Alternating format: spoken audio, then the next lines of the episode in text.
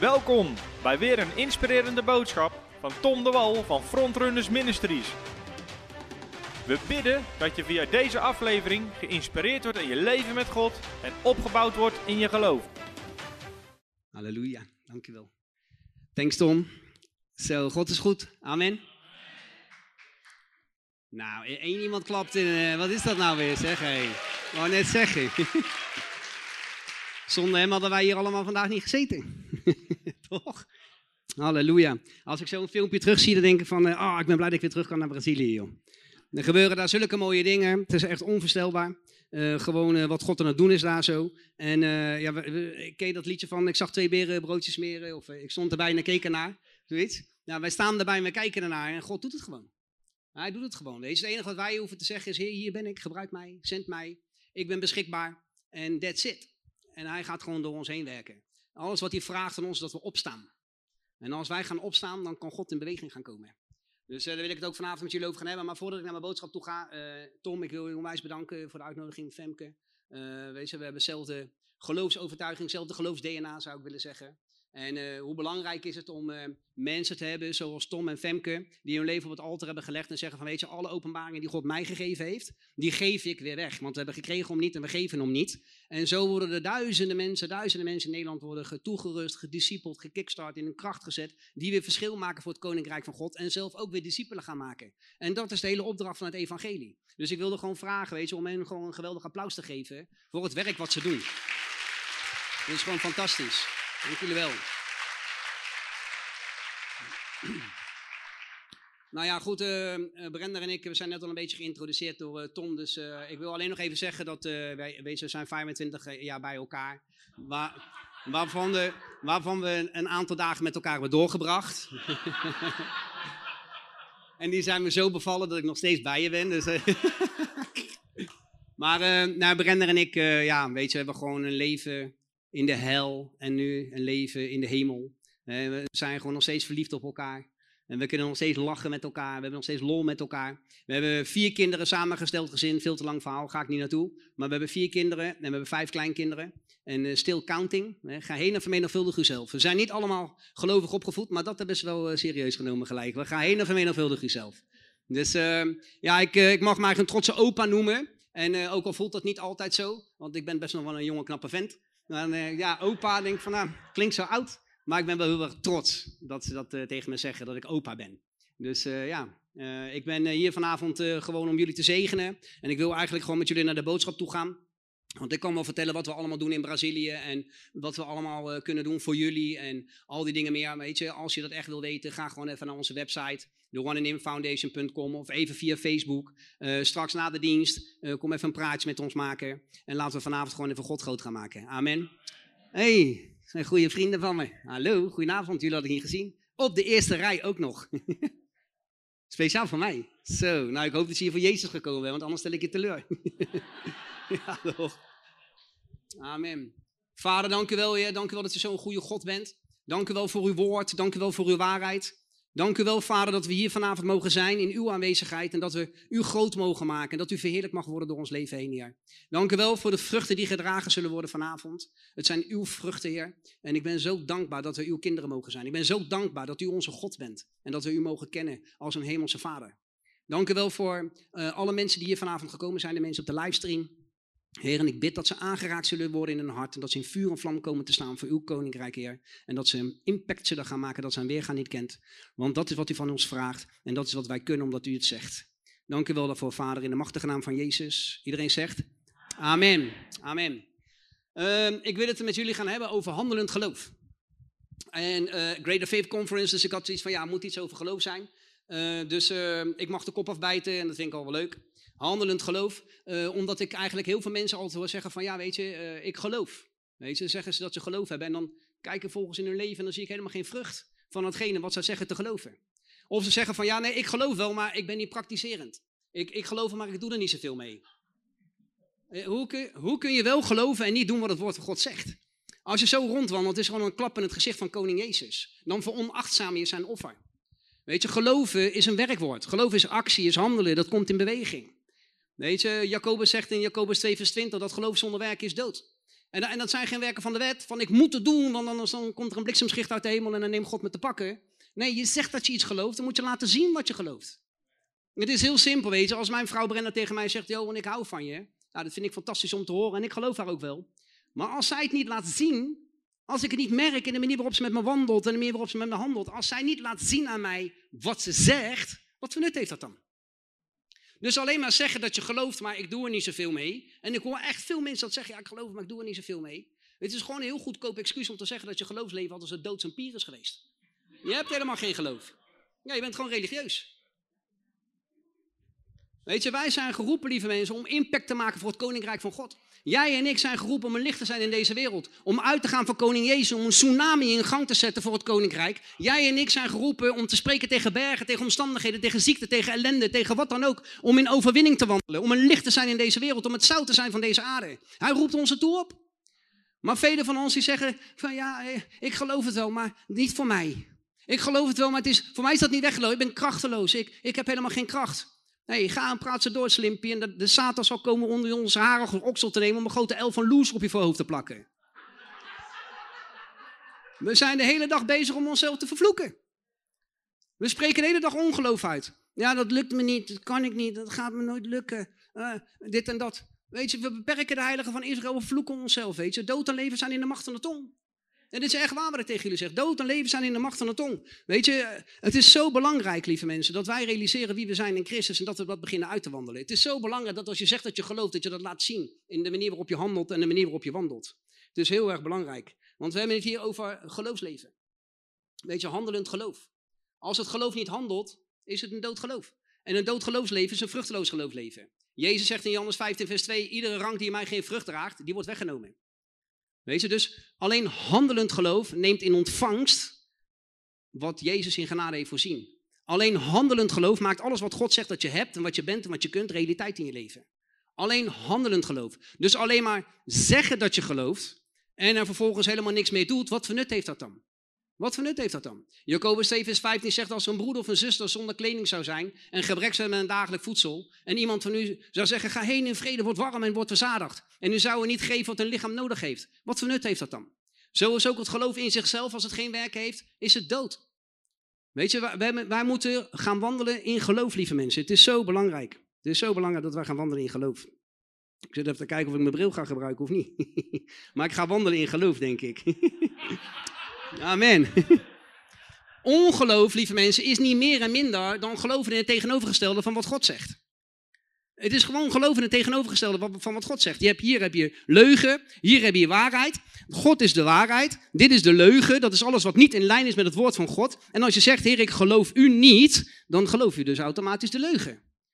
Of u zegt, ik geloof u wel, maar ik doe niet wat u van mij vraagt. Die ongehoorzaamheid is automatisch nog steeds geloven in die leugen. Want dan ga je denken van ja, ik kan het misschien niet, of weet ik veel wat. Uh, misschien uh, is het niet voor mij weggelegd. Dat zijn allemaal leugens in je denken. En als je dat gelooft, geloof je nog steeds de leugen.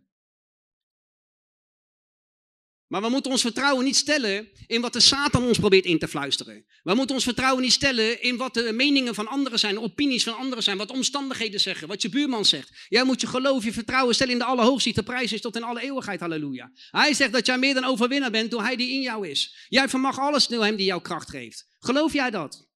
Ga dan ook wandelen in geloof. Ga dan wandelen in geloof. Het is zo belangrijk dat we dat doen. Weet je, wij hebben de autoriteit gekregen om tegen Bergen te spreken. Hij heeft een prachtig boek geschreven, Tom. Ik, ik zat er ook aan te denken van, ik ga een mooi boek schrijven, Kracht van Woorden. Zegt Tom, ja, ik heb een boek geschreven. Deze woorden. Oké, laat maar zitten. dus uh, ik ben nou een nieuw boek aan het schrijven. dat heet Ware Voorspoed. Ik heb het gelijk tegen hem gezegd. Ik denk, dat als jij er nou eentje schrijft, dan kan ik zeggen, wat doe je nou, joh? Ja, en het is ongelooflijk, want ik zat er serieus over na te denken. Ik denk, die gozer, dat kan gewoon niet. Hij heeft gewoon een paar van die secretaresses of redactrices op een rij zitten die stenografen zijn. En die zitten daar zo en dan komt hij langs en dan, wat hij heeft ontvangen in openbaar, zit hij... Na drie dagen, boek is klaar. Ja, dan ken ik het ook. Ik ben drie maanden bezig. Tik, tik, tik, tik, tik, tik. Ik ben nooit naar school geweest. Tik, tik, tik, tik, tik, tik. Weer fout. Ongelooflijk wel. Nou, geweldig. Wat een zegen, man. Halleluja. Geweldig.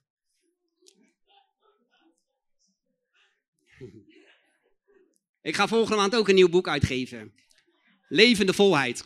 Maar het is al achterhaald. Want uh, hij heeft Supermens geschreven. Staat precies hetzelfde in. ik zeg, wanneer ben jij in mijn droom geweest en heb jij mijn idee gestolen? Nee, maar gekkigheid hoor. Het is prachtig dat we met elkaar gewoon Gods koninkrijk mogen bouwen, weet je. En dat gewoon dit soort dingen mogen gebeuren. En dat gewoon eh, mensen die ik bereik, die bereikt hij misschien niet. De mensen die hij bereikt, bereik ik niet. En met elkaar kunnen we iedereen bereiken, weet je. En kunnen we gewoon mensen tot zegen zijn. Dat is gewoon geweldig. Weet je, maar wij hebben de autoriteit, lieve mensen, om tegen omstandigheden te spreken. Jij en ik hebben autoriteit om tegen, de, tegen omstandigheden te spreken. Dus spreek liever leven, zodat iedere berg van ongeloof en iedere berg van heb ik niet en kan ik niet opgeven wordt in de machtige naam van Jezus. Weet je, toen Jezus, uh, door, toen Jezus uh, honger had en naar een vijgenboom toe liep, en sprak hij tegen die vijgenboom, omdat hij geen vruchten had, van wees vervloekt. Ja, je zult geen, wortel, je zult geen vruchten meer geven. En hij, hij verdoorde vanuit de wortel af. En die discipelen, die stonden zo van, oh, Jezus, hele boom is vervloekt. Ja, maar Jezus weet wie hij is. Hij kent zijn identiteit. Hij hoeft niet na te denken als hij iets zegt, hij gelooft het gewoon. En hij wandelt in geloof en hij beweegt in geloof. Dus hij sprak er tegen en boem. En hun waren helemaal onder de indruk. En dan zegt hij in Marcus 11, 22, zegt hij, luister eens, heb geloof in God. Dat is één. Heb geloof in God. Dus niet uh, in wat de Satan zegt of wat je omstandigheden zeggen, wat voor ogen is. Nee, heb geloof in God. Dat is al heel erg belangrijk dat je daar je geloof in stelt. Want voorwaar, ik zeg u, de opstanding in het leven, het begin en de einde, de alfa en de omega. Ik zeg u. Wie tegen deze berg zal zeggen, en dat is, dat is geloof wat handelt. Want ik geloof iets en ik begin erin te handelen en te wandelen door er tegen te gaan spreken. Door me erin uit te stappen, door me erin uit te strekken. Wie tegen deze berg zal zeggen, wordt opgeven en in de zee geworpen. En niet zal twijfelen in zijn hart, maar zal geloven dat wat hij zegt gebeuren zal. Het zal hem gebeuren wat hij zegt. Daarom zeg ik u, omdat het waar is wat hierboven staat, daarom zeg ik u, alles wat u binnen begeert, geloof dat u het ontvangen zult en het zal u ten deel vallen. Dus wanneer wij beginnen te bewegen, wanneer wij zeggen dat we iets geloven en we gaan erin bewegen en we beginnen te spreken tegen dingen, we beginnen te handelen in bepaalde dingen, dan gaat het gewoon gebeuren als we niet twijfelen in ons hart. Want koning Jezus zegt dat wij dat kunnen. Geloof jij dat echt? Ga dan handelen overeenkomstig hetgene wat je zegt te geloven. Echt, en ik wil jullie gewoon vanavond even lekker schudden, want het is belangrijk omdat we heel vaak zeggen, ja nee, daar heb ik wel geloof voor. En dan is het puntje bepaaltje en dan, eh, eh, dan hebben we er geen geloof voor. Durven we echt in het diepe te springen? Durven we echt in beweging te komen? Durven we echt alles op te geven als Jezus dat van ons vraagt? Durven we echt alles in? Ah, weet ik veel, jij hebt een miljoen op je rekening. De enige miljoen die je hebt, ze hebben een nieuw pand nodig. God zegt, geef die miljoen. Durf je het dan? Durf je uit te stappen? Durf je jezelf op het altaar te leggen? Want hij vraagt het namelijk wel van ons. Hij vraagt van ons gehoorzaamheid. En geloof is altijd in beweging. Het is altijd handelend geloof. Weet je, Brender en ik, wat wij met z'n tweeën eh, hebben mogen doen voor God tot nu toe, is al helemaal fantastisch. Maar wij gingen naar Brazilië in 2016 en we hadden helemaal niks. 0,0. En we kwamen daar in Brazilië, omdat God zei, naar Brazilië. En wij gingen in geloof naar Brazilië. En toen gingen we ergens in de jungle bij iemand logeren. En toen zei God, ik wil dat je over die grond heen gaan lopen. Want ik ga het je in bezit geven. Tussen de bomen, de slangen en de spinnen en de apen en de vlinders en de, en de, en de papegaaien. Dus ik zei, ik ben natuurlijk een stoere vent. Ik zeg, Brent, je moet me meelopen. Ik zeg, want God zegt dat ik over die grond heen moet lopen. En zij zegt, nou, ik heb toch jou, tegen jou gesproken. Ga jij lekker lopen? Typisch Brenda antwoord. Dus ik mijn sokken tot onder me en uh, ik er doorheen zo. in de naam van Jezus. Elk stuk grond dat, u, dat ik overheen loop, dat geeft hem in bezit in de machtige naam van Jezus. En nou, dat stuk grond kwam in bezit. Inmiddels hebben we 30 kavels in bezit. We hadden een misjuist, dat waren drie oude krotten en een uh, lege schuur. En er inmiddels hebben we fase 1 kunnen bouwen. We zeiden van ja, we willen graag toch wel een beetje voertuig hebben om de evangelie te verkondigen. We hebben net een gospeltruc gekocht van bijna een ton. Weet je hoe? In geloof. In geloof. Wij gingen naar de bouwmarkt om te verbouwen toen de coronacrisis was. Niemand, uh, was, niemand wilde op missie naar Brazilië. Brazilië? Want alleen in Brazilië hadden ze corona en de rest van de wereld niet. Alleen in Brazilië. Dus niemand wilde naar Brazilië toe komen. Want stel je voor dat je corona krijgt in Brazilië. Dus en dan was in één allemaal van die rare tropische varianten zogenaamd. Oké, nou in ieder geval. Alles was daar gewoon afgelopen. We hadden geen missiereizen, helemaal niks. Ik zei, nou, dan gaan we gewoon lekker verbouwen. Ja, zegt ze, maar uh, we hebben geen geld. Ik zeg, nou, God toch wel. Hij betaalt onze rekening. Dus we gaan gewoon naar de bouwmarkt en we gaan gewoon kopen alsof we geen gebrek hebben. Dat is geloven. Dat is handelend geloof. Niet als je het op je rekening hebt. Nee, wanneer het er niet is, gaan bewegen alsof het er wel is. Dat is handelend geloof. Weet je, hoe kun je, hoe kun je zeggen dat je gelooft en dan vervolgens gewoon niet doen wat het woord van God zegt? Of dat je zegt, ja, ik heb wel, ik heb wel geloof, maar ik heb maar een heel klein beetje geloof. Ik, ik, heb, het, ik, heb, ik heb een kruimeltje geloof. Ik heb het geloof zo klein als een mosterdzaadje. Dat is precies genoeg om behouden te zijn. Zo'n klein geloof heb ik. En het, het is genoeg voor mijn God. Wat een sufkoppen. Wat een sufkoppen. Wat is dat voor onzin? Weet je, in Matthäus 17 staat het verhaal van die jongen die epilepsie heeft. Die is door een demon is die bezeten. Gooit zichzelf in het vuur en in het water en zo. En die discipelen, weer die discipelen, die kunnen, ze niet, die kunnen hem niet uitdrijven, die demon. En dan zeggen ze tegen Jezus, waarom kunnen we hem niet uitdrijven? En dan zegt hij, vanwege je ongeloof. Want als je het geloof had als een mosterdzaadje, en je zou tegen deze bergen zeggen, verplaats je van hier naar daar, en hij zou gaan, en niets zou onmogelijk voor u zijn. Niets zou onmogelijk voor u zijn. Dus Jezus zegt, als je het geloof hebt als een mosterdzaadje, kun je bergen verzetten. En dan denkt iedereen, oh, als ik zo'n klein beetje geloof, een klein mosterdzaadje, dan kan ik bergen verzetten. Maar dat is helemaal niet wat Jezus hier zegt. Als je maar zo'n klein beetje geloof nodig zou hebben, waarom zegt hij dan tegen Petrus in Matthäus 14, vers 31, of uh, ja, tegen Petrus van uh, kom over het water en Petrus loopt en die begint in één keer naar de bodem te zinken. En dan zegt hij, klein gelovige, waarom heb je getwijfeld? Hij had een klein geloof en toen zonk hij naar de bodem. Maar tegen die Syrische Fenicische vrouw zegt hij in Matthäus uh, eh, 15 volgens mij, zegt hij van vrouw grote zielgeloof. Zij had het geloof dat een kruimeltje genoeg was om haar dochter te behouden. Hij zegt grote zielgeloof, uw dochter zal behouden worden. Dus het ene is een klein geloof en het andere is een groot geloof. Het ene geloof is zo klein als een kruimeltje, een zandkorreltje. Daar kun je helemaal niks mee tot stand brengen. Als jij, als jij het geloof is zo klein als een zandkorreltje, dan kun je nog niet een gaspriet laten bewegen. Je kan helemaal niks met dat kleine, kleine mini-mini geloof. Niks kun je ermee. Daar kun je helemaal 0,0,0 mee. Dus dan kun je zo, dan heb je gewoon geen geloof. Als je geloof zo klein als een zandkorreltje, heb je geen geloof. Zo klein als een kruimel, geen geloof. Zo klein als een, een geen geloof. Sorry, Laat me maar gewoon een slecht boodschap brengen. maar dit is zo. Het andere is, als je het geloof hebt dat een mosterdzaadje of een kruimeltje genoeg is voor God om het onmogelijk in jouw leven tot stand te brengen, dan is dat koninkrijk geloof. Dan is dat koninkrijk geloof. Als jij gelooft, Heer, het maakt me niet uit wat mijn omstandigheden zeggen. Het maakt niet uit wat, wat, wat de dokter zegt, wat de psychiater. Het maakt me allemaal niet uit wat ze allemaal zeggen. Maar Heer, ik geloof gewoon dat dit, dit grasprietje hier is genoeg voor u. Om het onmogelijk in mijn leven tot stand te brengen. Dit grasprietje is voor u genoeg om een koninkrijk impact te maken door mijn leven heen. Ik geloof u, Heer, dat zelfs dat kleine kruimeltje voor mij genoeg is. Ik geloof het. Dat is groot geloof. Nee, niet andersom, zoals vele mensen het invullen. Als je het geloof zo klein als een mosterdzaadje had nodig gehad om, om, om, om over het water te lopen, dan had Petrus hele oceaan overgelopen. Maar een klein geloof en dan zonk naar de bodem. Dus het is niet wat wij denken dat het zo'n klein geloof is. Nee, er staat, als u het geloof heeft als een mosterdzaad. Wat voor geloof heeft dat mosterdzaadje? Dat, dat mosterdzaadje, dat kent zijn identiteit. Dat weet wie hij is. In het natuurlijke ziet hij er misschien uit als het meest kleine zaadje wat er maar is. Maar hij weet dat hij de potentie in hem heeft om een boom te worden groot met takken waarin de vogels nesten maken en de mensen in zijn schaduw kunnen zitten. Hij is helemaal niet mee bezig met hoe hij er in het natuurlijke uitziet. Hij weet wat in hem gelegd is en hij gelooft dat het tot stand zal komen in de machtige naam van Jezus. Amen. Halleluja. Ik ben hier om te proclameren dat als jij er in het natuurlijke misschien klein en zwak uitziet, God gaat geloven en je identiteit begint te ontdekken in Christus Jezus, dat je bergen zult kunnen gaan verzetten. Demonen zullen voor je vluchten, de ziekte zal van je wijken, de Satan zal als een bliksemzicht uit de hemel vallen in jouw aanwezigheid. En als jij dat ook gelooft, laat jezelf dan even horen. Halleluja. Halleluja. Halleluja. Hij zegt het in zijn woord. We moeten hem gewoon geloven, lieve mensen. Gewoon geloven. En dat is alles wat hij van ons vraagt. Weet je, ehm, zeven jaar geleden is mijn vader overleden. Ja, zeven jaar geleden is mijn vader overleden aan uh, longemfyseem. Nou, ik weet niet of je weet wat dat is. Maar dan uh, gaat de, de rek uit je longen, je blaasjes vallen dicht en de longinhoud, je zuurstofinhoud wordt steeds kleiner, steeds kleiner. Moet je op een gegeven moment moet je aan zo'n zuurstoftank, ik wou zeggen gastank, maar dat is niet zo handig.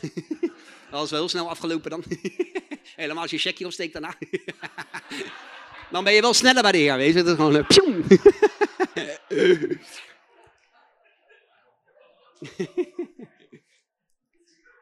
maar uh, mijn vader die was, uh, die was 15 jaar ziek. En uh, heel gestaag werd er steeds slechter en steeds slechter. En nou, in ieder geval uiteindelijk overleden. En in de natuurlijke is dat dan zeg maar genetisch, of hoe noemen ze dat? er zit hier DNA of zo. En dus een aantal ooms en tantes hebben het en weet ik wat allemaal. Dus, maar ja, goed gelukkig leef ik niet in het natuurlijke. Halleluja. Dus, uh, maar ik had in die periode, ik was net begonnen aan de Bijbelschool, volgens mij in 2014 zo'n beetje, was ik begonnen aan de Bijbelschool. En ik had een periode dat ik echt zo'n ongelooflijke druk op mijn longen had. Ik had zo'n pijn in mijn borst gewoon en echt heel lastig ademen en zo. En dat ging een paar maanden door. En uh, ja, ik had er tegen gesproken, van die benauwdheid moet wijken. En dan werd het weer wat beter en dan ging het weer weg. En dan werd het weer wat beter en dan ging het weer weg. En ik dacht van, nou, wat is dit joh, weet je. En uh, mijn moeder en mijn Brenda zegt van, joh, ga nou even langs de huisarts. Laat er gewoon even naar kijken. Misschien is het gewoon niks en is het zo, weet ik veel wat. Ik, maar ik heb een hekel om naar een dokter toe te gaan. En ik hou van dokters. Zo goed dat ze er zijn. Artsen, ziekenhuizen, alles. Neem, begrijp me alsjeblieft niet verkeerd. Alleen ik zelf heb dan altijd het idee van, dat ik dan zeg van, ik geloof God niet. Weet je, dus voor, voor mij, dit gaat om mij persoonlijk, zeg maar. Dus het was voor mij een enorme brug om die stap te nemen. En um, ik ging daar naartoe. En ik was nog niet heel ver, zeg maar, in heel mijn, geloofshandelen en zo. En ik kwam daar zo en hij uh, liet me een paar testen doen. Ik moest blazen en toestanden en weet ik wat allemaal. In ieder geval, hij zei van, uh, ja, u heeft hetzelfde als uw vader. U heeft longemfyseem. Nou, ik kan je zeggen, dat is een grote berg. Dat is een grote berg. Als iemand dat tegen je zegt. Maar mijn God zegt dat ik tegen bergen kan spreken, en dat ze opgeven worden in de machtige naam van Jezus. En ik geloof God. Ik geloof God. Dus ik zei tegen die dokter, ik verbreek alles wat je over mij probeert uit te spreken in de machtige naam van Jezus. Ben je helemaal gek geworden om dat even tegen mij te zeggen?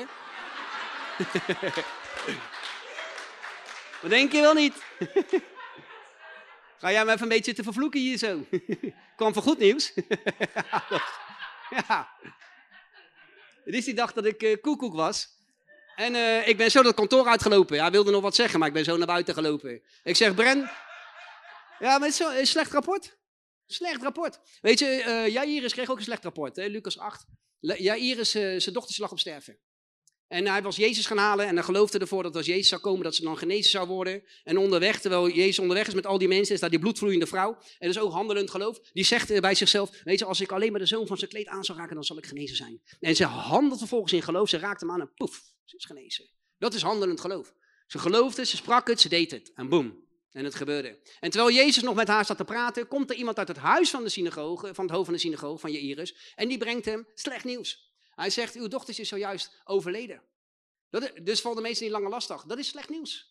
Dat is serieus slecht nieuws. En in, wij allemaal in het natuurlijke zullen instorten als een kaartenhuis, wanneer we dat nieuws te horen krijgen. Wanneer er iemand uit jouw huis komt, waar net je kind of, of misschien een dierbare op sterven ligt, en, en die komt vertellen van het is te laat. In het natuurlijke is er geen, kan je niet meer, het is geen weg terug.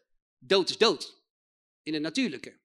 Maar Jezus zegt, wees niet bevreesd, maar geloof alleen en zij zal behouden worden. Jezus zegt vanavond tegen jou, wees niet bevreesd, maar geloof alleen en je zult behouden worden. Wees niet bevreesd wat de dokter zegt, wees niet bevreesd wat de psychiater zegt, wees niet bevreesd wat je omstandigheden zeggen, wat die vuile, vieze, lelijke slang zegt, wees niet bevreesd wat de media zegt of wat de overheid zegt, maar wees niet bevreesd, geloof alleen en je zult behouden worden. Geloof alleen en je zult behouden worden. Geloof God. Geloof God. Dus nadat ik dat gehoord had, ik zei tegen Brenda, ik zeg, wij gaan gelijk op vakantie. Ik zeg, wij gaan naar Egypte. En we gingen naar Dahab in Egypte. We gingen duiken in de Rode Zee. Nou, ik kan je vertellen, als je longemfyseem hebt, ga jij niet duiken.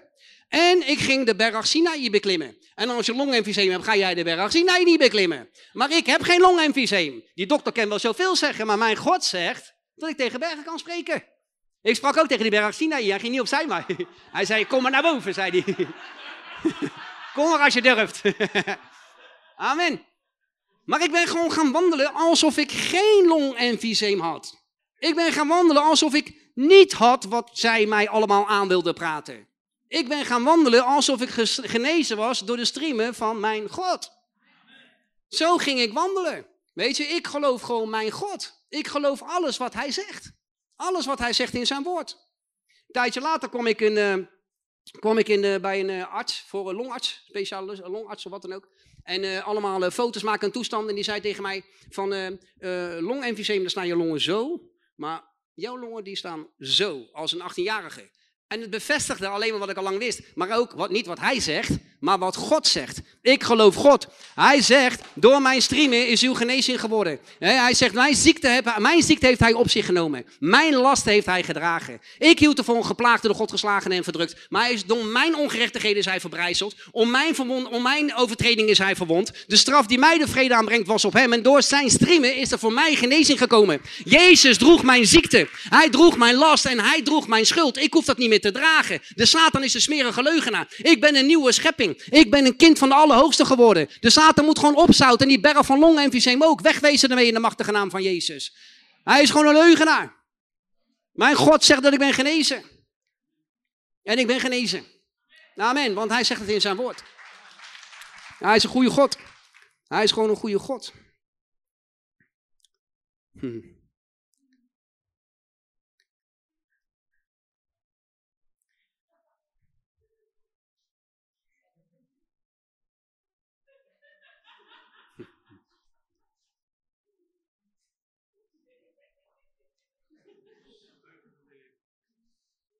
Lekker hoor, geniet er maar van.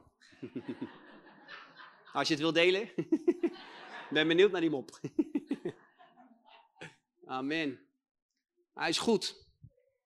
Weet je, ik had net als de meeste mensen hadden kunnen zeggen van ja, uh, weet je, de dokter zegt er is geen hoop meer. Er is geen hoop meer. Begrafenispak bestellen, rouwkaarten bestellen, grafkist bestellen, social media, appen, Facebooken, weet ik wat allemaal. Dan had ik hier vandaag niet gestaan.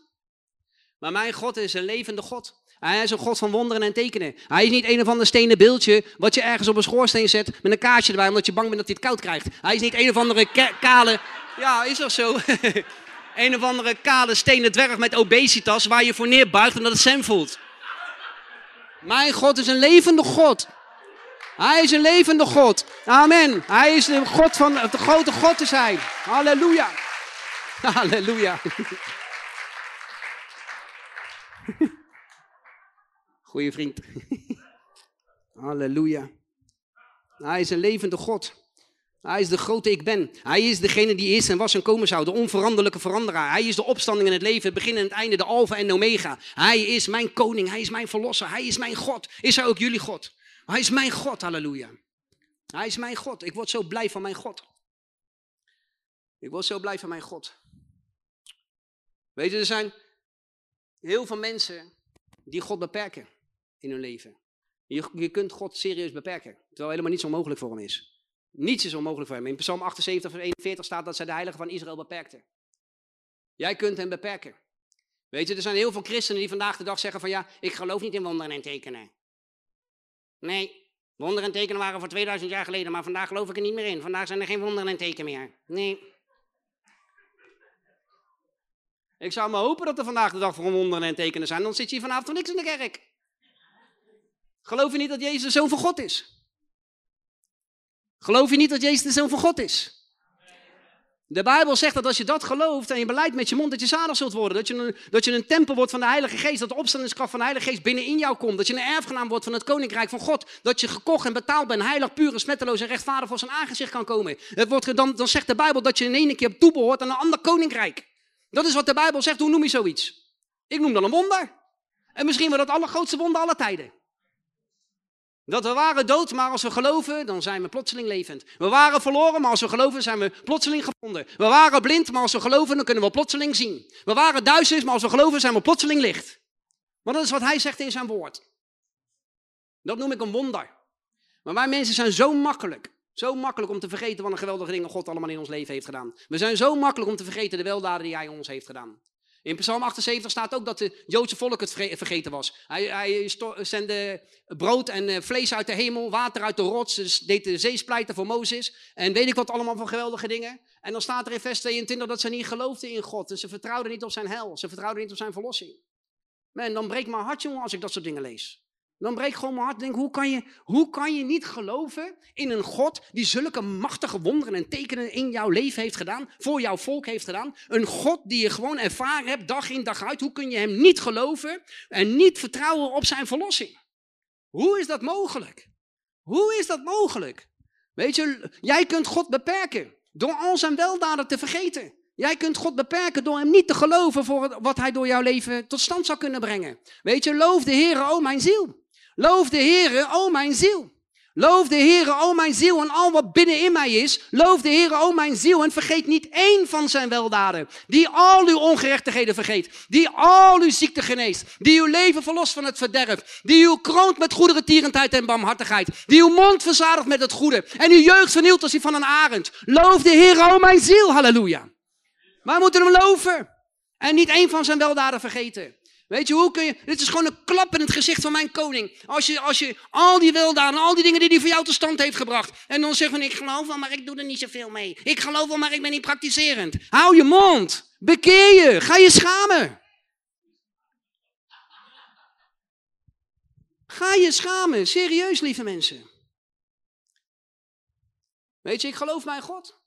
Ik geloof hem met heel mijn hart en heel mijn ziel. En, en het is een proces om God voor steeds meer te gaan geloven. Het is een proces om steeds voor grotere dingen te gaan geloven. Maar het begint allemaal wel met die stap van geloof. Die eerste stap om te zeggen, oké, Heer, u zegt dat als ik dat zeg, dan zal ik, dan zal ik behouden zijn. Oké, ik geloof en ik neem die stap. U zegt dat als ik me laat dopen, wordt mijn oude leven begraven. Oké, ik neem die stap in geloof. En ik laat mij uh, dopen, de onderdompeling. U zegt dat als ik vraag om de Heilige Geest, dan zult u mij geven. En ik wil graag die doop met de Heilige Geest ontvangen. U zegt dat ik in nieuwe tongen kan spreken. Ik begin mijn mond open te doen en ik begin in nieuwe tongen spreken. U zegt dat als ik de zieken de handen opleg, zullen ze genezen worden. U zegt dat als ik tegen demonen spreek, zullen ze wijken. U zegt dat ik de kracht heb om doden op te wekken. U zegt dat ik tegen bergen kan spreken en ze moeten wijken. U zegt dat ik al die dingen kan doen. En ik geloof u. Het begint ergens. En er wordt steeds meer en meer en meer en meer. Dat is hoe het is, lieve mensen. Ik geloof mijn God. Hij vernieuwt mijn jeugd van een arend. Ik ben net 50 geworden, maar ik heb me nog nooit zo fit gevoeld als vandaag. En dat is echt waar wat ik tegen je zeg. Echt waar. Weet je, ik heb alles gedaan in mijn leven. Ik heb anabolen gespoten, ik heb drugs gebruikt aan alle kanten. Alle highs van het leven ervaren die je maar kunt bedenken. Alle adrenaline die het leven kan bieden heb ik ervaren. Maar er is niks zoals de high van de Heilige Geest. De Bijbel zegt, word niet dronken van wijn, maar wees vervuld van de Heilige Geest. Halleluja. Hij vernieuwt je jeugd als je van een arend in, in je ouderdom zo nog fris en groen zijn en vele vruchten dragen. Ik ben voorlopig nog niet oud, maar als ik oud word, dan zal ik fris en groen zijn en vruchten dragen, want mijn God zegt het. Halleluja. Hij zegt het in zijn woord. Ik geloof hem gewoon. En vergeet niet één van zijn weldaden. Weet je, er zijn heel veel mensen die vandaag de dag zeggen dat ze geloven in God. Maar als je ze zou arresteren voor het feit dat ze christen zijn, is er niet genoeg bewijs om ze te veroordelen. Amen.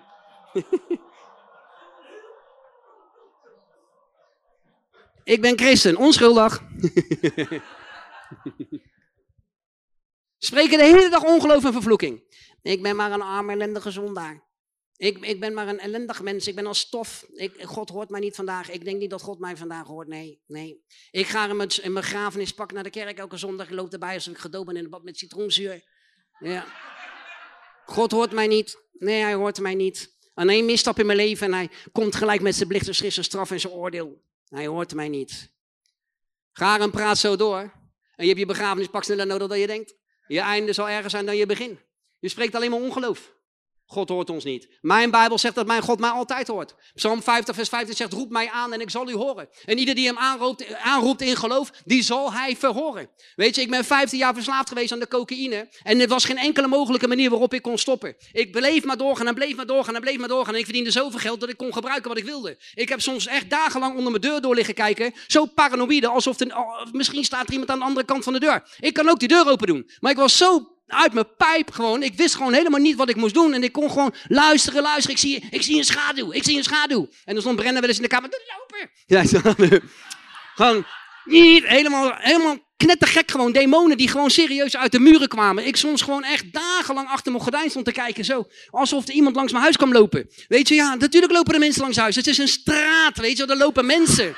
Weet je, wat ben je... Even serieus. Knettergek. Knettergek. Zo high, gewoon zo uit mijn cookie. Ik wist gewoon helemaal niet meer van voren dat ik van achteren leefde. Dat was gewoon echt niet normaal. En ik, ik had een dieptepunt bereikt. Ik wist gewoon niet meer hoe ik eruit moest komen. Ik heb zo vaak met een getrokken pistool tegen mijn hoofd aangezeten. Ik dacht van, ik schiet mijn, eh, mijn hersenen eruit. Die ene hersencel dan. Maar ik schiet, mijn, schiet mijn hersenen eruit.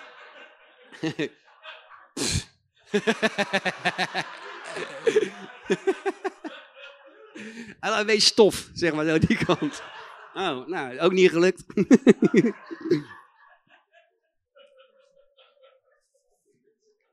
maar zo waanzinnig. Zo waanzinnig. Zo knettergek.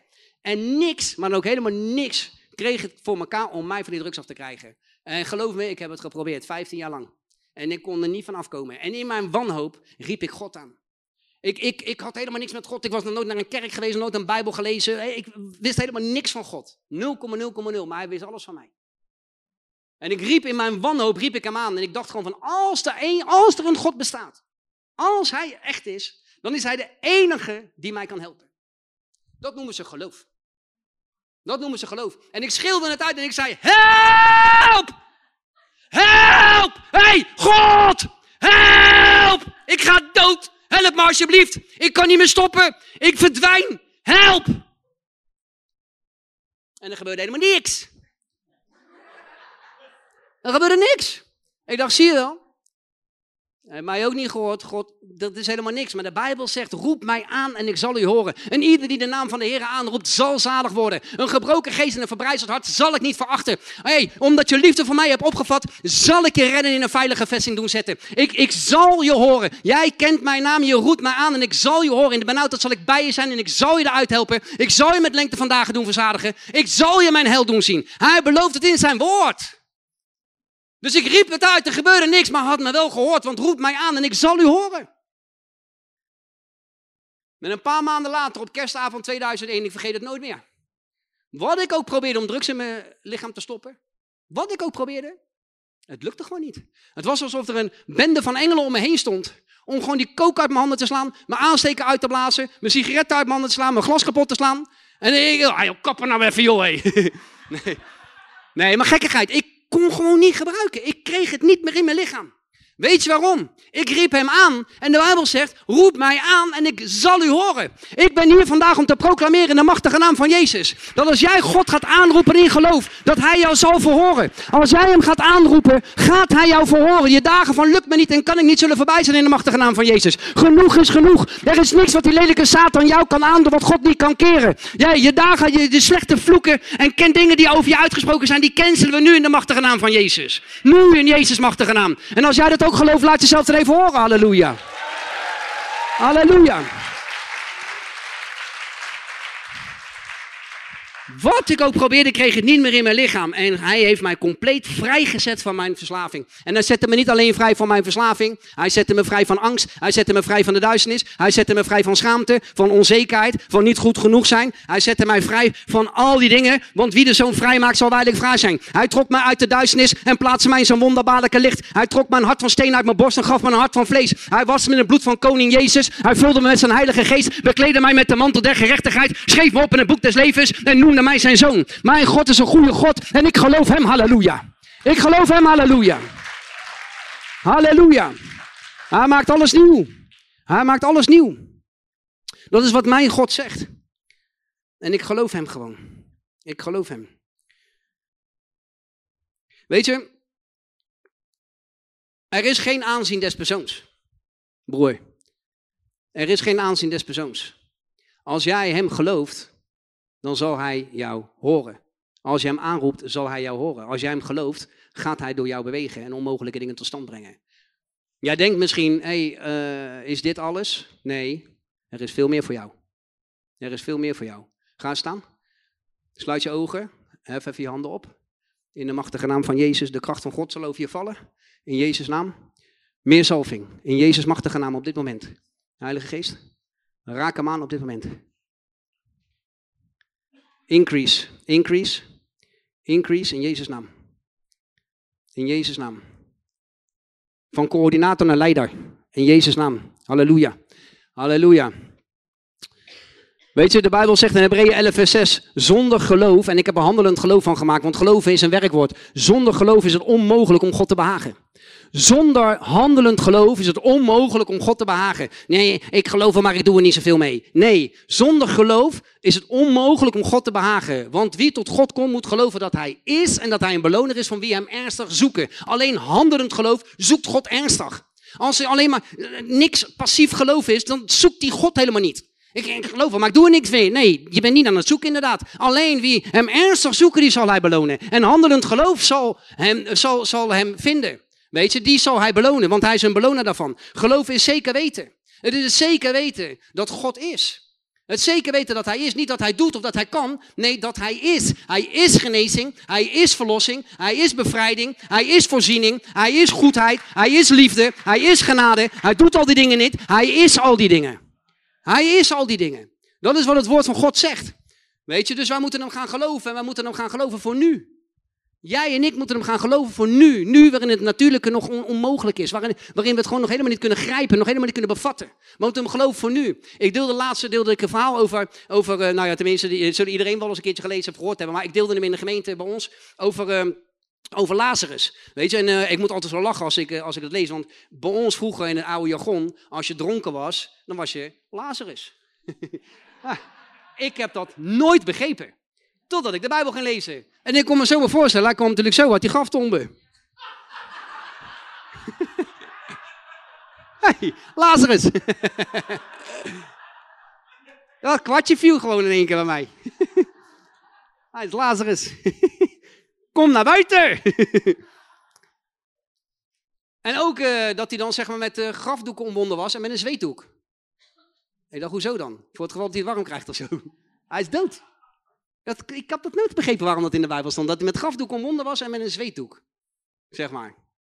Hij is dood. Dus hij kan het ook niet warm krijgen. Maar Jezus, die hoort dat zijn maatje ziek is. Ernstig ziek is. Dat hij op sterven ligt. En dan besluit hij nog even te wachten. En dan uiteindelijk is hij overleden en dan gaat hij er naartoe. En terwijl hij daar aankomt, uh, valt als eerste valt Martha aan zijn voeten. En ze zegt, uh, heren, uh, Jezus zegt, ze zal, hij zal weer opstaan. En dan zegt ze, Heer, ik geloof dat hij zal opstaan op de laatste dag, op de dag van de opstanding. En dan vervolgens dan valt Maria aan zijn voeten en die zegt van, Heer, als hij hier geweest was, dan was Lazarus niet gestorven. En met compassie en ontferming gaat hij naar die graftombe en roept Lazarus naar buiten. Lazarus komt naar buiten.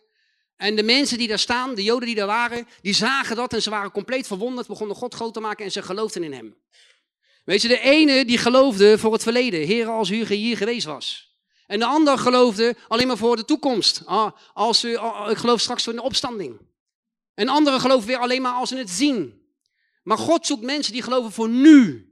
Nu, wanneer het nog helemaal niet zichtbaar is. Wanneer het wanneer, waarin het onmogelijk is om het te grijpen. God zoekt mensen die geloven voor nu. En velen van ons roepen, ja maar broer, ik kan helemaal niks. Ik ben krachteloos, ik ben machteloos en al die dingen meer. Nee, dat is gewoon een leugen. We zien alleen maar Goliaths en reuzen op de weg. Het is gewoon een leugen. En ik weet niet welke Goliath er in jouw leven is, maar ik ben hier om te proclameren. Wie denkt hij wel niet dat hij de kinderen van de Allerhoogste kan honen? Zijn kop gaat eraf. Die kop van lukt mij niet gaat eraf. En die kop van kan ik niet gaat eraf. Die kop van ongeloof gaat eraf in de machtige naam van Jezus.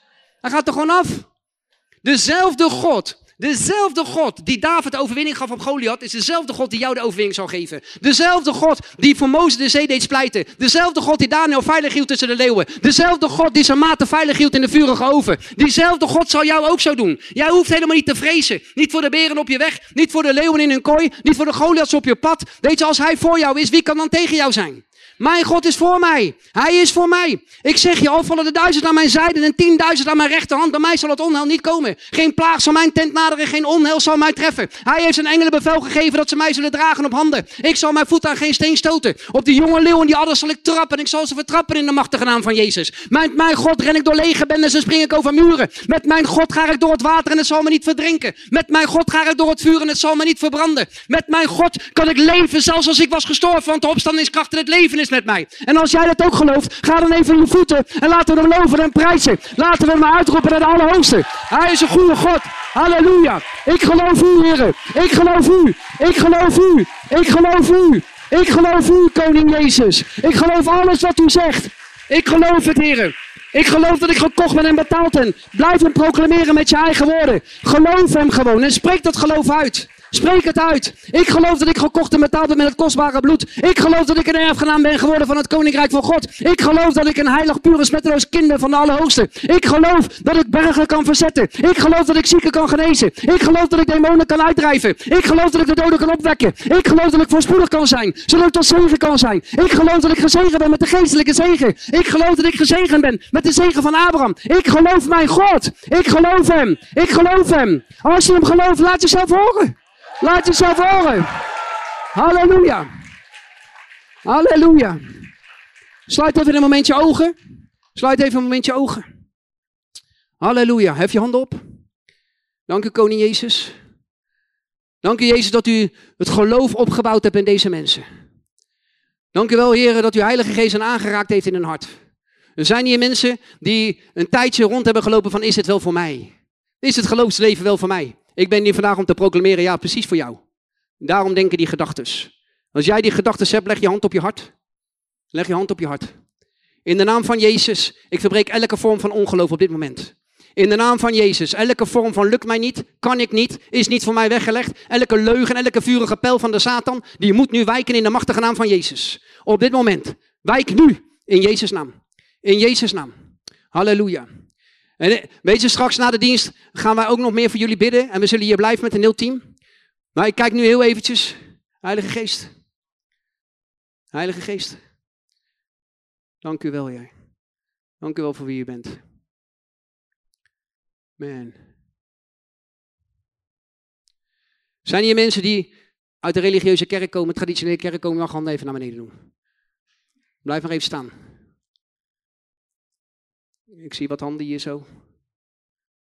Weet je, ik ben hier niet om te oordelen, maar ik ben er om een vraag te stellen. Heb je ooit een keuze gemaakt voor koning Jezus?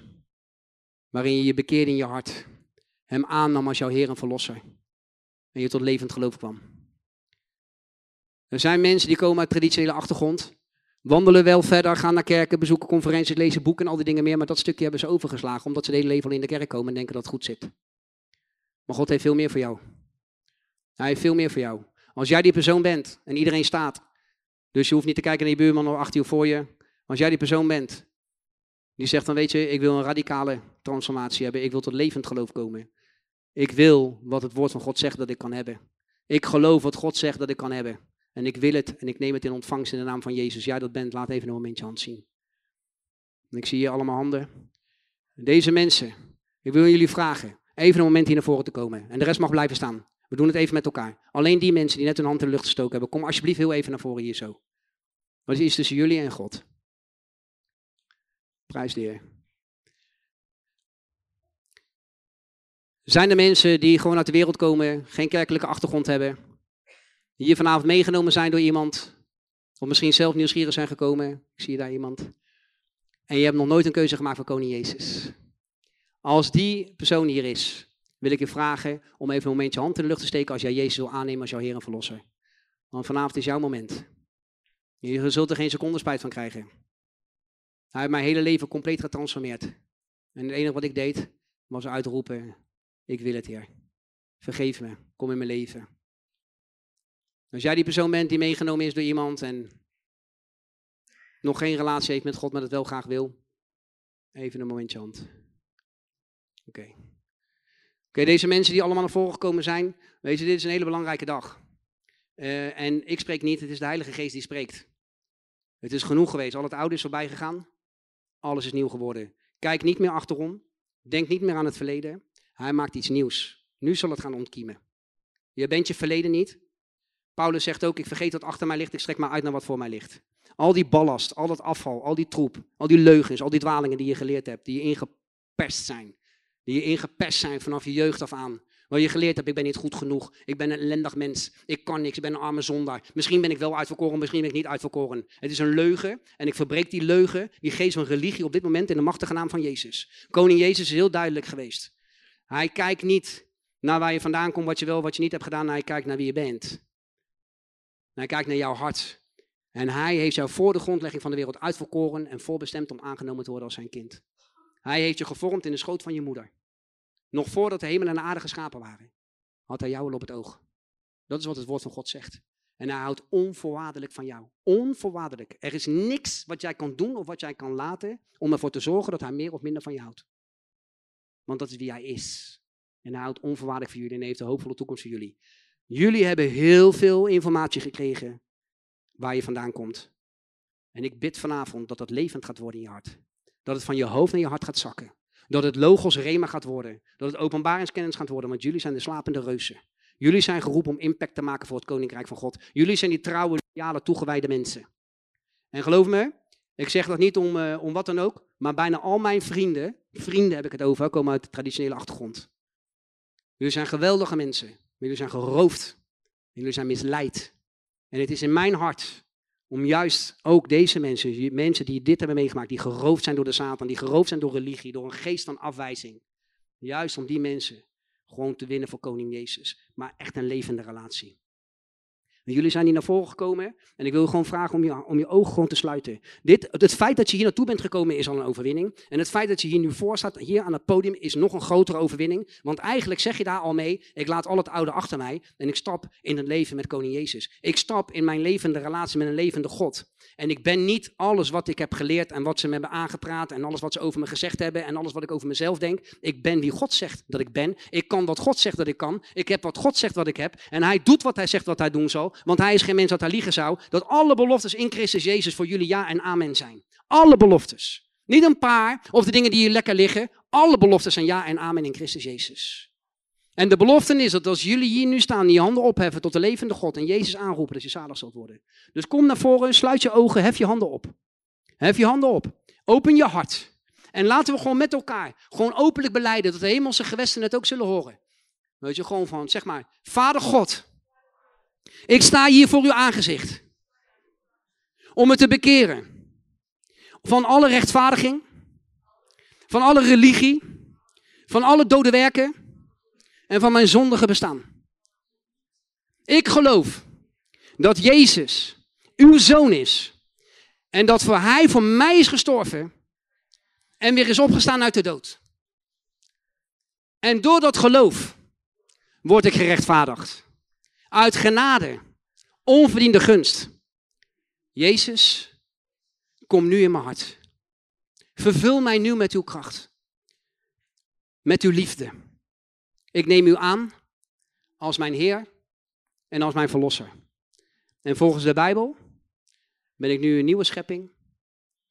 En mag ik zeggen, Abba Vader. In de naam van Jezus. Amen. Blijf even een seconde staan. Blijf even een seconde staan. Ik kom even heel snel langs jullie. In de naam van Jezus. Hou je handen omhoog. Hou je handen omhoog. Vader, Halleluja. Zijn jullie gezegend? God is goed.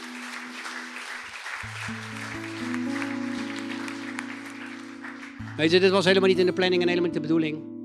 Maar ja, als de Heilige Geest spreekt, dan spreekt hij en dan kan ik er ook niks meer van maken. hij is goed. Amen. Hij is goed en ik... Uh, eigenlijk uh, wil ik eh, zeg maar het woord overgeven aan uh, Tom.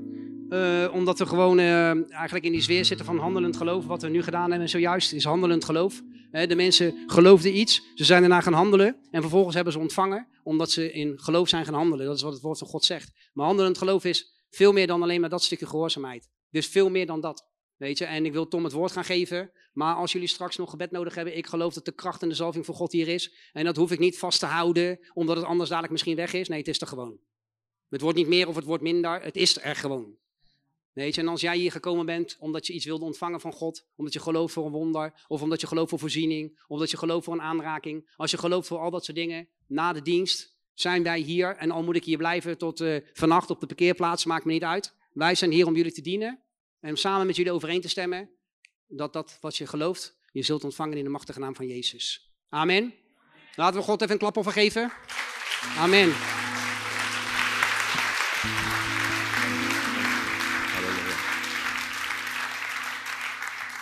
Blijf even gericht op de tegenwoordigheid van God. Er zijn een aantal dingen die ik ervaar in mijn geest. En um, je, moet altijd gevoelig zijn voor de Heilige Geest. Een tijdje terug deden we een genezingscampagne in Groningen. En op een gegeven moment was iemand genezen, een vrouw die had een knobbel op de voet, die kon niet goed lopen. En uh, die begon te handelen in geloof. Ik zei, nu moet je gaan doen wat je niet kan doen. Die begon te rennen, alsof ze een marathon ging rennen. Gelukkig was ze halverwege de marathon al genezen. Die knobbel was helemaal weg, ze was genezen, ze getuigde van hem. Met dat ze het zei, voer ik in mijn geest, er zijn meer mensen die genezen van knobbels. En de kosten, hij heette Jan, had een knobbel op zijn buik. Een gezwel bestrafte het verdween. Te plekken. Te plekken. En genas. En toen uh, Johan vertelde over dat doktersrapport, ervoor ik in mijn geest dat vanavond gaan de doktersrapporten gecanceld worden. Wie ontvangt dat? Vanavond gaan de doktersrapporten gecanceld worden. Wat dokters over jou gezegd hebben, wat dokters zeggen dat je hebt, of het, uh, wat voor erfenis, DNA, wat, hoe het ook gekomen is. Vanavond gaan de doktersrapporten gecanceld worden. Amen. De genezende kracht van God is hier. En voor God is niks onmogelijk. Voor God is niks onmogelijk. Afgelopen zondag deden we een genezingsdienst in Den Helder in Annapolona, helemaal in het noorden van het land. En er was daar een meid gekomen en die had, die had een, uh, een schroef in de knie in aanleiding van een ongeluk en die kon de knie niet buigen. Maar de kracht van God raakte eraan. Is het knielend voor het podium, met twee benen geknield voor het podium, te huilen, te huilen, te huilen. Een knie die ze niet kon buigen, met een stalen schroef vast wat zet. En God genastig. Ik heb bij mensen gezien dat staal uit hun lichaam smolt door de kracht van God. En zijn lichaamsdelen weer konden bewegen. Voor God is niks onmogelijk, amen. En vanavond gaan er doktersrapporten gecanceld worden. Halleluja. Wie heeft dat nodig? Steek je hand in de lucht. Wie heeft er een doktersrapport wat gecanceld moet worden? Zeg eens, vanavond gaat mijn doktersrapport gecanceld worden. Ja, geloof is persoonlijk. Al deze mensen gaan vanavond de handen opleggen. op het moment dat je handen opgelegd wordt, ontvang je het in geloof. De Bijbel zegt, ze zullen handen op zieken leggen. En wat gaat er dan gebeuren? Ze zullen genezen. Niet ze kunnen genezen, ze zullen genezen. Amen. Weet je wat ik in mijn geest ervaar? Je mag heel even meegaan naar Marcus hoofdstuk 10. Weet je, dit hadden we allemaal niet gepland. Het scheelt dat Johan nog geen bijbeltekst heeft gelezen, dus ik kan er nog een paar doen. Anders komen ze thuis van de eerste avond van de Greater Fate. Dus we hebben geen bijbeltekst gelezen. Hij heeft er heel veel genoemd, maar hebben ze niet gelezen. En ik wil zo meteen ook een geloofshandeling gaan doen.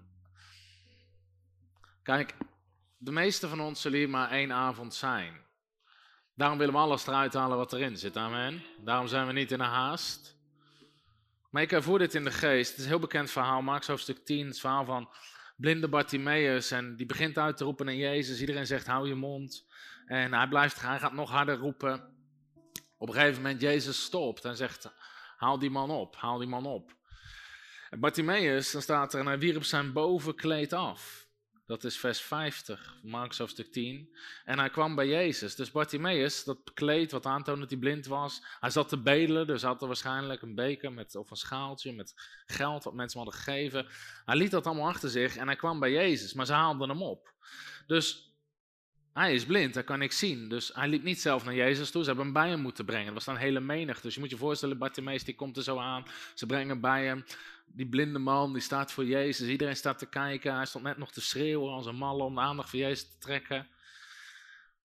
En dan zegt Jezus dit. En Jezus antwoordde hem en zei, wat wilt u dat ik voor u doen zal?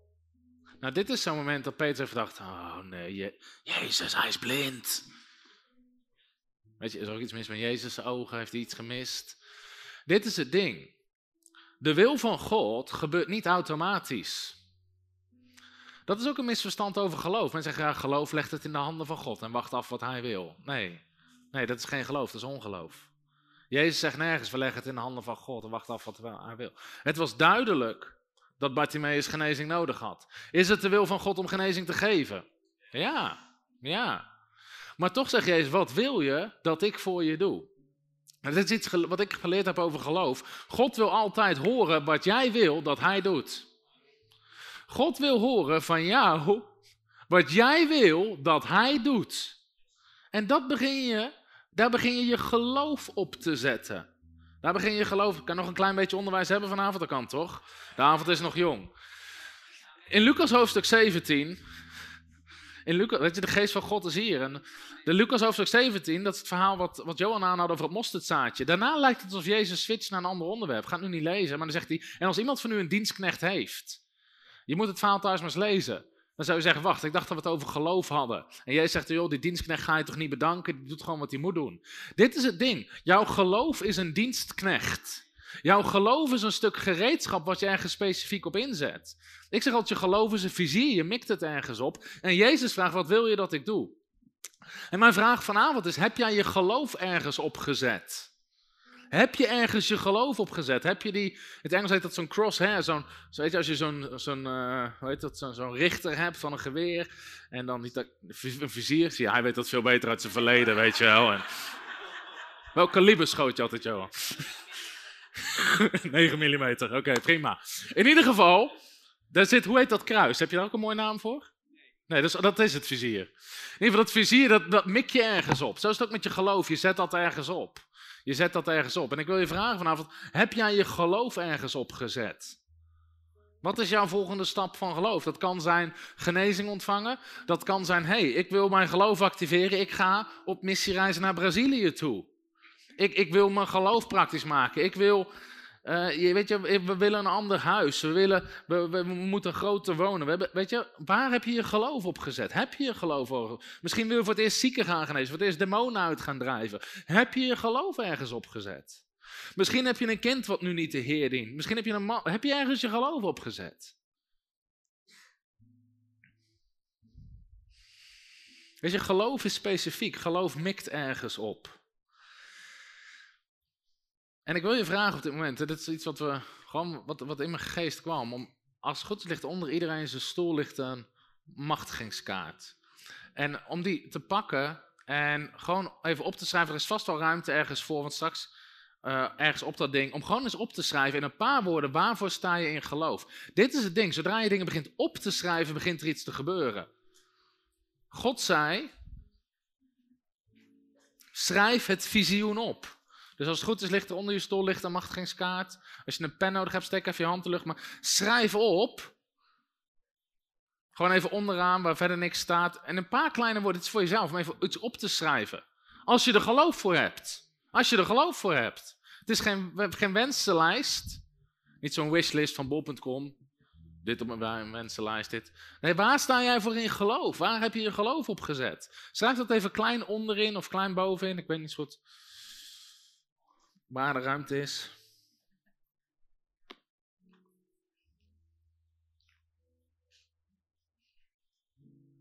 Want wat we daarmee gaan doen, die gaan we straks naar voren brengen. En dan maak je een commitment dat je daar je geloof op gaat zetten. Maar ook dat je daar misschien anders over gaat spreken voortaan. Hè, mijn kinderen dienen de Heer niet. Als ze zich zo gedragen. Mijn man dient God niet. Nee, als mijn vrouw zo zou praten, zou ik ook heel snel de kerk uitrennen. Amen. Je moet er anders over gaan spreken. Je moet spreken wat God zegt. Je moet ernaar gaan handelen. Je moet ernaar gaan handelen. Dus als jouw geloofspunt is, ik wil zieken genezen, dan moet je ergens, moet je, ga op missiereis naar Brazilië. Meld je aan bij het gebedsteam van je kerk. Ga de straat op. Ga naar, je moet ernaar gaan handelen.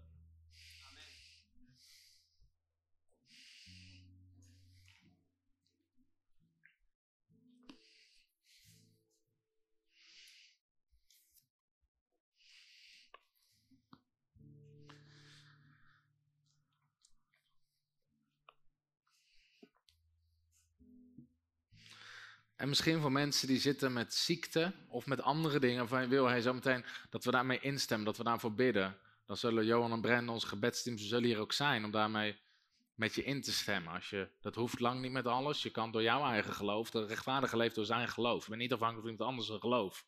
Het kan fijn zijn als iemand instemt, het kan fijn zijn om samen te bidden. De Bijbel zegt ook bid voor elkaar, maar het hoeft niet per se. Oké. Als je dat gedaan hebt, mag je even meegaan naar Hebreeën hoofdstuk 11. Hebreeën hoofdstuk 11. Je zou kunnen zeggen het geloofshoofdstuk van de Bijbel. Heel Hebreeën hoofdstuk 11 staat vol met mannen, vrouwen van God, de geloofshelden, de geloofsgetuigen, die door hun geloof machtige, machtige dingen deden. Ik hou zelf van vers 33, ach, de meeste zijn er maar één avond, die krijg er gratis bij. Wil ik niet over spreken, maar die krijg je er gratis bij. Ze hebben door het geloof koninkrijken overwonnen, gerechtigheid in praktijk gebracht, beloften verkregen en muilen van leeuwen gesloten. Dit is een van al die mensen. Ze, door het geloof hebben ze, met eerst wat zegt, koninkrijken overwonnen. Een andere vertaling zegt, ze hebben koninkrijken onderworpen. Er waren mannen en vrouwen van God die door hun geloof in staat waren om hele landen te veranderen. Ik geloof God om Nederland te veranderen. Tegen de tijd dat we hier klaar zijn, zal Nederland veranderd zijn. Ik ben blij dat er vijf mensen met me meegeloven. Tegen, Zie je wat hier staat? Geloof is in staat om hele landen te veranderen. Ik geloof tegen de tijd dat we klaar zijn, is Nederland veranderd. Hebben we zoveel mensen bereikt voor het evangelie? Hebben we zoveel mensen gediscipeld? Hebben we zoveel kerken gesticht? Hebben we zoveel campagnes gedaan? Hebben we zoveel mensen onderwezen? Zullen de wonderen zo groot zijn dat Nederland veranderd is? Amen. Oké, die kreeg je er gratis bij, zei ik al. Hebreeën hoofdstuk 11. Nou, vers 1 vertelt wat geloof is. Het geloof is de vaste grond van de dingen die we hopen, bewijs van de dingen die we niet zien. Hierdoor, zegt vers 2, hebben de oude, en dat gaat over de mensen uit het Oude Testament, een goed getuigenis gekregen. Wie wil de goede getuigenis in zijn leven? Steek je hand omhoog. Wat heb je daarvoor nodig? Geloof. Hierdoor, door geloof hebben ze goede getuigenissen. Alle getuigenissen die Johan vertelt zijn door geloof. Door het geloof zien we in vers 3 dat de wereld tot stand gebracht is door het woord van God. God sprak en het was er. En het is dus zo dat de dingen die men ziet, de dingen die wij zien, zijn niet ontstaan uit wat zichtbaar is. Het is ontstaan uit de onzichtbare wereld. Nou moet de schrijver van de Hebreeënbrief, die gaat nou alle geloofshelden opnoemen. Nou zit je er al naar te kijken. Maar als ik normaal vraag, in Hebreeën hoofdstuk als ik zeg in een kerk, wie is de eerste geloofsheld die opgenoemd wordt in Hebreeën hoofdstuk 11, heeft iedereen het altijd fout. Heeft iedereen het altijd fout. Mensen zeggen Abraham, Noach, Mozes, komen er allemaal in voor. Weet je wie er niet in voorkomen? Heb ik vorig jaar afgesproken, Adam en Eva. Die wandelden niet in geloof, die twijfelden aan wat God zei. De eerste zonde in de Bijbel is ongeloof, is twijfelen aan wat God zegt. Sommige mensen zeggen, waarom neem je dat geloof zo serieus? Nou, de, ik heb de eerste bladzijde gelezen, toen wist ik het al. Dit moet je serieus nemen. Nee, de eerste die genoemd wordt, is Abel. Door het geloof heeft Abel God een beter offer gebracht dan Kain. Daardoor kreeg hij het getuigenis dat hij rechtvaardig was. En dit heeft God met het oog op zijn gave getuigd. En door dit geloof spreekt hij nog nadat hij gestorven is. De eerste die opgenoemd wordt in de lijst met geloofshelden is Abel door het offer wat hij gaf. Hij bouwde geen ark, hij bevrijdde geen volk, hij gaf een offer aan God. Nou, als het gaat om wanneer we een offer geven aan God, bijna iedere kerk waar ik kom, en ik kom in heel veel kerken, want ik spreek in heel veel kerken, zeggen ze dingen over offeren die niet waar zijn. Ik heb zoveel mensen horen zeggen, het maakt niet uit wat je geeft aan God. Probeer dat eens te vertellen aan Kain en Abel. En anders moet je Ananias en Safira proberen. Het maakt niet uit. Het maakt wel uit. Het maakt wel uit. Wat deed Abel? Laten we eens kijken. Dit kan je heel snel opzoeken. Genesis 4. Voor de mensen die niet weten waar Genesis zit. In het begin. Dus die kan je snel vinden.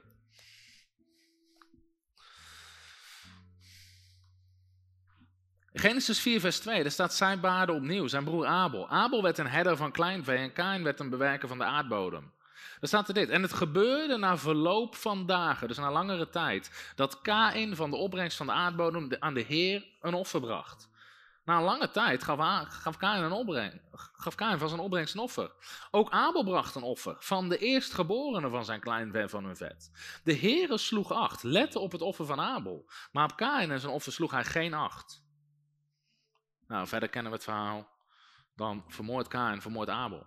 Wat was het verschil? Abel bracht een offer in geloof. Hij bracht het eerstgeborene. Hij bracht het beste wat hij had. In andere woorden, het eerste wat geboren werd, gaf hij als offer aan God. Hij wist nog niet wat er met de rest ging gebeuren. Kain dacht, na een verloop van tijd, nu red ik het wel tot de volgende oogst. Nu red ik het wel tot de volgende ronde. Nu ga ik een offer brengen. En wat zegt de Bijbel? God sloeg geen acht op zijn offer. God keek er niet naar. En Kain werd er boos om. Maar Abel gaf een offer uit geloof. En hij is de eerste geloofsheld die genoemd wordt in het hoofdstuk Hebreeën. Hij had handelend geloof. Kain had misschien ook gezegd, ja, ik geloof dat God altijd genoeg is. Maar hij handelde niet naar. Dus was het geen geloof, het was dood geloof. Abel, die had handelend geloof. Hij geloofde het en hij handelde er meteen naar. Daar zie je heel mooi het verschil tussen doodgeloof en levend geloof. Als je vraagt aan mensen, geloof je dat God je voorziener is? Ja, amen. Geef eens een offer uit geloof. Uh, nou, uh, nee, uh, ja, nou, misschien volgend jaar. Amen of auw. Zie je, daar zit het verschil. Tussen handelend geloof en levend geloof. Of tussen handelend geloof en doodgeloof. Is wat we daadwerkelijk doen. En een van de mooiste verhalen die ik hier eigenlijk ooit over heb gehoord, is, is een bizar verhaal van een jongen. En sommigen van jullie hebben misschien dit ooit wel eens horen vertellen. Een jongen die was zo arm, een Afrikaanse jongen. Tot zijn achttiende levensjaar had hij niet eens geld voor schoenen. Had nooit schoenen gehad. Op een gegeven moment kreeg hij ergens zijn eerste baan en hij kon wat geld verdienen. Hij trouwde met zijn vrouw, ze hadden een heel klein beetje geld. En ze waren lid, ze waren deel van een kerk. En in die kerk zaten 150 leiders. En die kerk werd geleid door een, door een oudere man. En die man was een bijzondere profeet van God. Op een dag riep die man alle 150 leiders bij elkaar. En hij zat voorin op dat podium, 150 leiders voor zich. Die jongen zat daar met zijn vrouw, klein beetje geld wat ze hadden thuis. En die man die zegt dit, die begint, hij zegt tegen zijn leiders, hij zegt er is een grote nood, er is een groot probleem in de kerk. We hebben geld nodig. Ik vraag van alle leiders om alles te pakken wat je hebt en te geven aan God. En die jongen, samen met zijn vrouw, en hij zei volgende week kom je terug en dan brengen we het hier voor het aangezicht van God. Die jongen ging met zijn vrouw naar huis, pakte alles wat ze hadden, bracht het die week daarna in de dienst, gaven het in het offer aan God. Die voorganger had al die 150 leiders daar zitten. En hij zei, wie heeft letterlijk gedaan wat ik vroeg? Wie heeft alles gegeven wat hij had? Zij hadden verwacht, iedereen, heeft, iedereen hier, weet je, zij waren de enige. Van die 150 waren de enige. En die voorganger zegt, het was niet waar wat ik zei, het was een test van de Heer. De Heer zei dat ik het moest vragen. En dit moest ik profeteren tegen degene die het deed. En hij begint te profeteren over de jongen, je zal de rijkste man worden van dit land. God gaat je brengen op plekken waar mensen je niet kunnen brengen. Vandaag de dag is die man voorganger van de grootste gemeente in dat land. En hij is een gebouw aan het bouwen voor 100.000 mensen en hij betaalt het cash. Geen leningen, betaalt het cash. God heeft hem gebracht op een plek waar mensen hem niet konden brengen. Omdat hij leerde om te offeren in geloof. En het is niet zo dat we altijd in die zin geloofsoffers brengen. In de zin, het, gaat, ik bedoel, het is niet zo dat je altijd alles geeft wat je hebt, helemaal niet. Maar ik, een van de dingen waar God mij op een gegeven moment corrigeerde was geven uit gewoonte. Geven uit gewoonte. Oh, ik schrijf op dit op, dat op. En op een gegeven moment corrigeerde God mij erin. Ik zei, Heer, ik wil verder. Weet je, ik, we, we groeien, we hebben meer nodig. En God zei, stop. Ik hoorde bijna hoorbaar de stem God. Stop met geven uit gewoonte. Ik dacht, auw. En toen ging ik eens nadenken. dacht ik, oh ja, weet je, meestal als je in de kerk zit, in dienst zit, weet je, nou, ik geef dit of ik geef 50, weet je, komt altijd goed. En God zei, stop met geven uit gewoonte. Ik zei, Heer, wat moet ik dan doen? Dat was misschien niet zo'n hele goede vraag op dat moment, maar ik kreeg heel duidelijk antwoord. God zei, die voorganger heeft een bioscoop afgehuurd als, als, voor evangelisatie. Betaal de hele zaal af. Die en die is dat aan het doen. Betaal het hele project af. Ik dacht, ja, ik weet het ook, ik weet het ook. Ik dacht, voordat er een hele rij komt. Maar ik begon dat te doen en, en we werden buitensporig gezegend. Ergens, iets wat we kunnen leren, is offeren uit geloof. Is offeren geven buiten onze comfortzone. Misschien net zoals Abel deed. Hij wist niet, heb ik genoeg, maar hij gaf een offer uit geloof. En nogmaals, het is niet zo dat je dat altijd doet. Maar ik geloof wel dat God dat af en toe van ons vraagt. Om ons geloof te beproeven. En te kijken, hé, hey, handelen we wel naar wat we zeggen? Het grappigste verhaal wat ik hier zelf over heb. Toen vond ik het niet grappig. Maar... Op een gegeven moment, toen ik nog thuis woonde bij mijn ouders, ervoer ik God vraagt van me om uit geloof te gaan leven. Ik studeerde, ik was jeugdleider, ik predikte op verschillende plekken en ik had een bijbaantje. En op een gegeven moment ging dat niet meer. En Terwijl ik dat ervoor in mijn hart, die zaterdag werd ik, werd ik ook ontslagen. Toen zei ze, joh, weet je, we hebben een andere stagiair van een voltijdschool, die gaat doen wat jij doet, dus je hoeft niet meer te komen. En ik weet nog, ik had ergens iets in de 70 euro, iets van 74 euro en 40 cent. Dat was alles wat ik had. Dus natuurlijk denk je, oké, hoe lang kan ik die me volhouden? Ik woon in Hotel Mama, dus in principe heb ik weinig kosten. Dat is een voordeel als je daar geloof leert. En, uh, maar die avond ging ik, ik ga niet de naam noemen, ging naar een dienst van een wereldwijde bekende evangelist. Die was in Nederland. Ik had nog nooit in de dienst geweest en ik was daar in die dienst. En ik zat daar, God en machtige wonderen tekenen. Op een gegeven moment haalde hij een offer op. En hij zei, hij zei van ja, ik, weet je, ik ervaar om een speciaal gebed te bidden. En uh, een speciale zalving mee te geven aan iedereen die meer dan 100 euro geeft. En ik zat op mijn stoel. Ik denk, dit kan niet. Dit kan niet. Dit is manipulatie. Dit kan niet. Dit is fout. Weet je Ik nam aanstoot in mijn hart. En ik geloof ook dat dat niet kan. Dat niet goed is. En met dat ik daar zo in mezelf zit op te vreten. Zegt God tegen mij: Tom, geef alles wat je hebt. Ik had ergens in de 70 euro. Ik kwam niet eens in aanmerking voor het speciale gebed. maar de stem van God: Tom, geef alles wat je hebt. En huilend. Ik weet nog, ik stopte het in de envelop met centen. Als je 70 euro hebt, kan ik alles meenemen. Dat is ook wel een voordeel. Maar ik stop gewoon met centen en huilend bracht ik het naar voren voor het aangezicht van God. Juist heel mooi, want in die dienst nam ik ergens aanstoot en God leerde me daar iets. Nogmaals, ik, dat, ik ben, ben daar geen voorstander van, maar God leerde me daar wel een stuk nederigheid. En huilend bracht ik het naar voren. En God testte mijn geloof. Weet je, als we uit geloof gaan leven, gaan we met nul beginnen. En zo heb ik geloof geleerd. En het is niet zo dat, dat God constant geloofsoffers van je vraagt. Maar ik geloof wel dat God het af en toe van je kan vragen.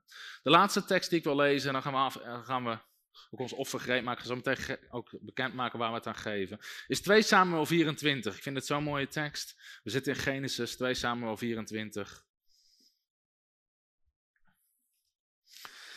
In 2 Samuel 24, misschien ken je het verhaal. Koning David roept uit tot een volkstelling en dan komt er een plaag over het volk. Heel veel mensen zeggen, waarom komt er een plaag over het volk? Nou, dat had God al lang beschreven. Dat is iets wat heel weinig mensen weten. Maar in Exodus 30 staat dat het verboden is om een volkstelling te doen. Want mensen gaan vertrouwen op hun eigen kracht. Hoeveel mensen heb ik? Kunnen we de oorlog winnen? Je mocht alleen een volkstelling doen als je daarna een offer gaf aan God per persoon die je geteld had. Dus de meeste koningen dachten, nou laat maar zitten. Dat is een dure telmachine. Maar David deed dat niet en dan komt er een plaag over het volk.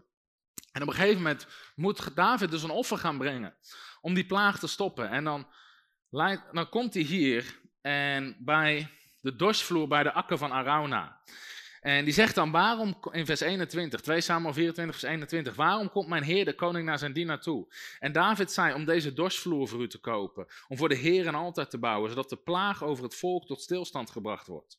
Toen zei Arauna tegen David, laat mijn heer de koning nemen uh, laat mijn heer de koning nemen en offeren wat goed is in zijn ogen. Zie, daar zijn de runderen voor het brandoffer, de dorsleden en de werktuigen voor het runderen en voor het brandhout. Dit alles, o koning, geeft Arauna aan de koning.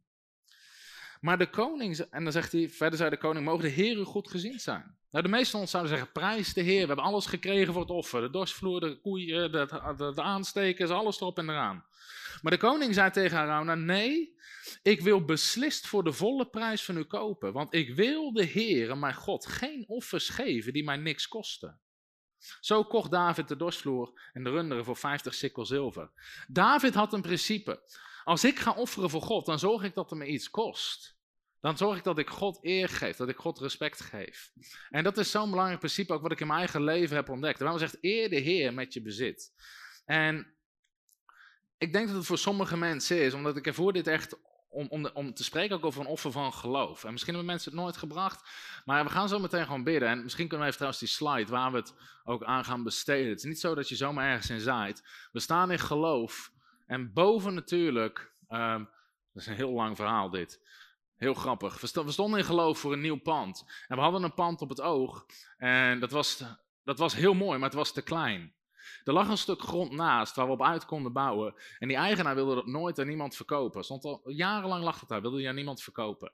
Wij waren bezig met één pand daar en dat lukte niet omdat het net te klein zou zijn om tien jaar door te groeien. Op een gegeven moment zeiden terwijl we ergens wel ervoeren van, hm, ik denk wel dat we hier moeten zijn. Maar ja, op een gegeven moment weet je, ik wil wel door kunnen groeien. En niet iets kopen waar we binnen vijf jaar uit zijn. Op een gegeven moment zeiden we, weet je wat, we stoppen ermee. We doen het niet. Eigenlijk de dag dat wij zeggen, we doen het niet, belt die eigenaar van het stuk grond en zegt, joh, ik wil mijn stuk grond verkopen. Ik wil mijn stuk grond verkopen. En het project ging van één pand naar twee panden. En twee panden nieuw bouwen. En we zijn hier nou mee bezig en het bedrag staat erop. Alleen nadeel met dit soort bedragen is in Nederland dat je meestal iedereen kwijt bent. Als je dit soort bedragen noemt. 8 miljoen? Waar ga je dat vandaan halen?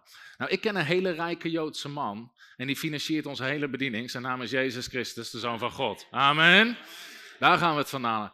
En God voorziet boven natuurlijk. Toen we begonnen met dit project, hadden we, hadden we lang, lang, lang, lang niet genoeg. Inmiddels zijn we, een aantal maanden zijn we in dit project. Er is al meer dan een miljoen euro binnengekomen op dit project. Halleluja, daar kunnen we God toch een applaus voor geven. Halleluja. Boven natuurlijk. Mensen die we helemaal niet kennen geven 50.000 euro, 50.000 euro, 50.000 euro, 20. Weten niet eens wie het zijn. Als ik ze op straat tegen zou komen, zou ik ze niet herkennen. Maar mensen beginnen ergens door de geest van God iets te ervaren. Mensen beginnen te offeren, beginnen te geven. En ik vind het zo mooi, want elke keer in de Bijbel, als je ziet dat God een bouwproject organiseert, zie je dat de kosten geen probleem zijn.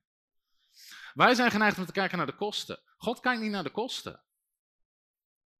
Want hij is rijk, amen. God is geïnteresseerd in de vrucht. En we gaan er een voltijdschool in bouwen. We gaan in die linkerloods gaan we boeken mee verspreiden. We onze kantoren, videostudio's. Komt een kleine zaal in voor 300 mensen en een grote zaal in het rechterpand voor 1400 mensen. Dat is het plan wat we nu gaan indienen, waar we een vergunningaanvraag voor in gaan zetten. Zodat we op de volgende Greater Faith Conference gewoon alle bezoekers iedere dag en heel de dag kunnen ontvangen. Amen. Halleluja. Prijs God. En ik zeg al, er beginnen veel bovennatuurlijke dingen, beginnen gewoon elke keer te gebeuren. En op een gegeven moment weet je gewoon, wacht, God, God is echt met iets bezig. God is echt met iets bezig. En ik wil je zo meteen vragen om gewoon eens te bidden van, Heer, wat wilt u dat ik hierin zaai? En misschien is het voor je een geloofsoffer, misschien is het een bedrag wat je nog nooit eerder hebt gegeven. Misschien is het iets uit je comfortzone. Maar volg de leiding van de Heilige Geest hierin.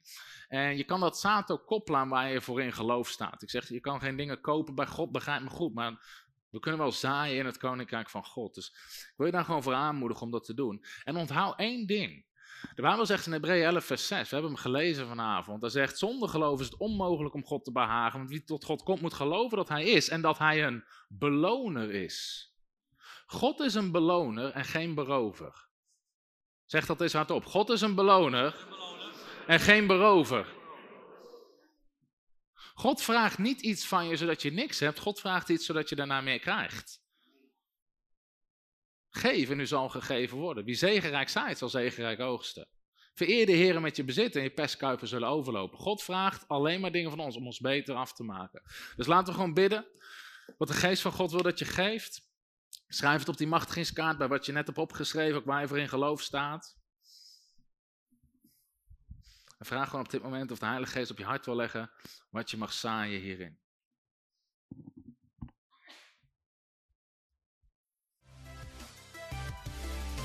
Hallo, Tom de Wol hier en bedankt dat je weer geluisterd hebt naar onze podcast. Ik bid dat het je geloof gebouwd heeft en je bemoedigd bent.